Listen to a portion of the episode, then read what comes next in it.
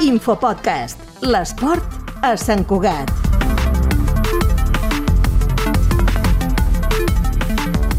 Hi ha aquestes dues formes. Una és més inclusiva perquè venen gimnastes a grups que ja fan gimnàstica rítmica i no tenen cap discapacitat, és a dir, es barregen amb altres persones, i l'altra que és l'adaptada, que anem a un centre i fem la classe més adaptada per a aquelles persones.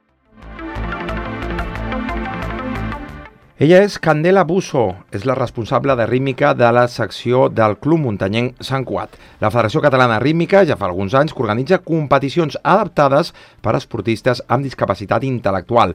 A Sant Cuat, però, tenim dos clubs que treballen la rítmica amb gran nombre d'esportistes. César Martínez, molt bon dia. Doncs molt bon dia, Joan. Doncs com bé deies, hi ha dos equips de gimnàstica, un d'ells és la secció de rítmica del Muntanyenc, que ja ha sumat 10 anys treballant en aquesta modalitat esportiva, amb prop de 200 gimnastes.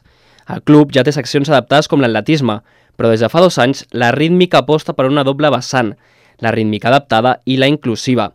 Una manera d'ajudar aquestes esportistes que potencien els seus vincles motrius i emocionals, com bé ha explicat Candela Busso. La gimnàstica en si és molt bona perquè s'utilitza molt la música, la coordinació, l'elasticitat, el moviment i totes aquestes persones necessiten d'aquest tipus d'exercici i els hi va superbé. El Club Gimnàstica Rítmica i Estètica Sant Cuat és l'altre club de Sant Cuat i que es va cindir fa 10 anys del Muntanyenc. Gairebé 400 esportistes integren el club i aquest any han començat la seva aposta per la rítmica inclusiva amb el lema Estirant límits, canviant vides. El club ha obert una via perquè tothom pugui ajudar a través de donacions i potenciar aquesta secció. Un total de 6 esportistes han iniciat els entrenaments dimarts de 6 a 7 de la tarda a l'Escola Pins del Vallès. Nomi Lupon, directora tècnica del club. Volem que la gimnàstica rítmica sigui inclusiva i accessible per tothom. Per això acabem d'obrir un, grup de, eh, un grup nou de gimnàstica inclusiva. Estem molt il·lusionats amb aquest projecte que feia temps que ho portàvem darrere.